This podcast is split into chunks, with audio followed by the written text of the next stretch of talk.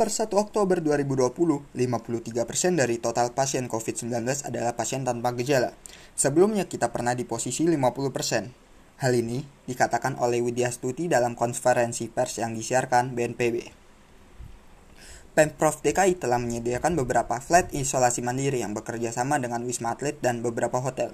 Selain itu, DKI sedang proses menyiapkan tiga wisma untuk menampung orang tanpa gejala. Ia mengungkapkan persentasi kasus sembuh pasien COVID-19 terus meningkat. Hingga sekarang sudah ada 61.321 pasien yang dinyatakan sembuh dari 74.368 orang dengan tingkat kesembuhan 81,1 persen. Widya Stuti tetap mengingatkan supaya masyarakat tetap waspada dengan resiko penularan COVID-19.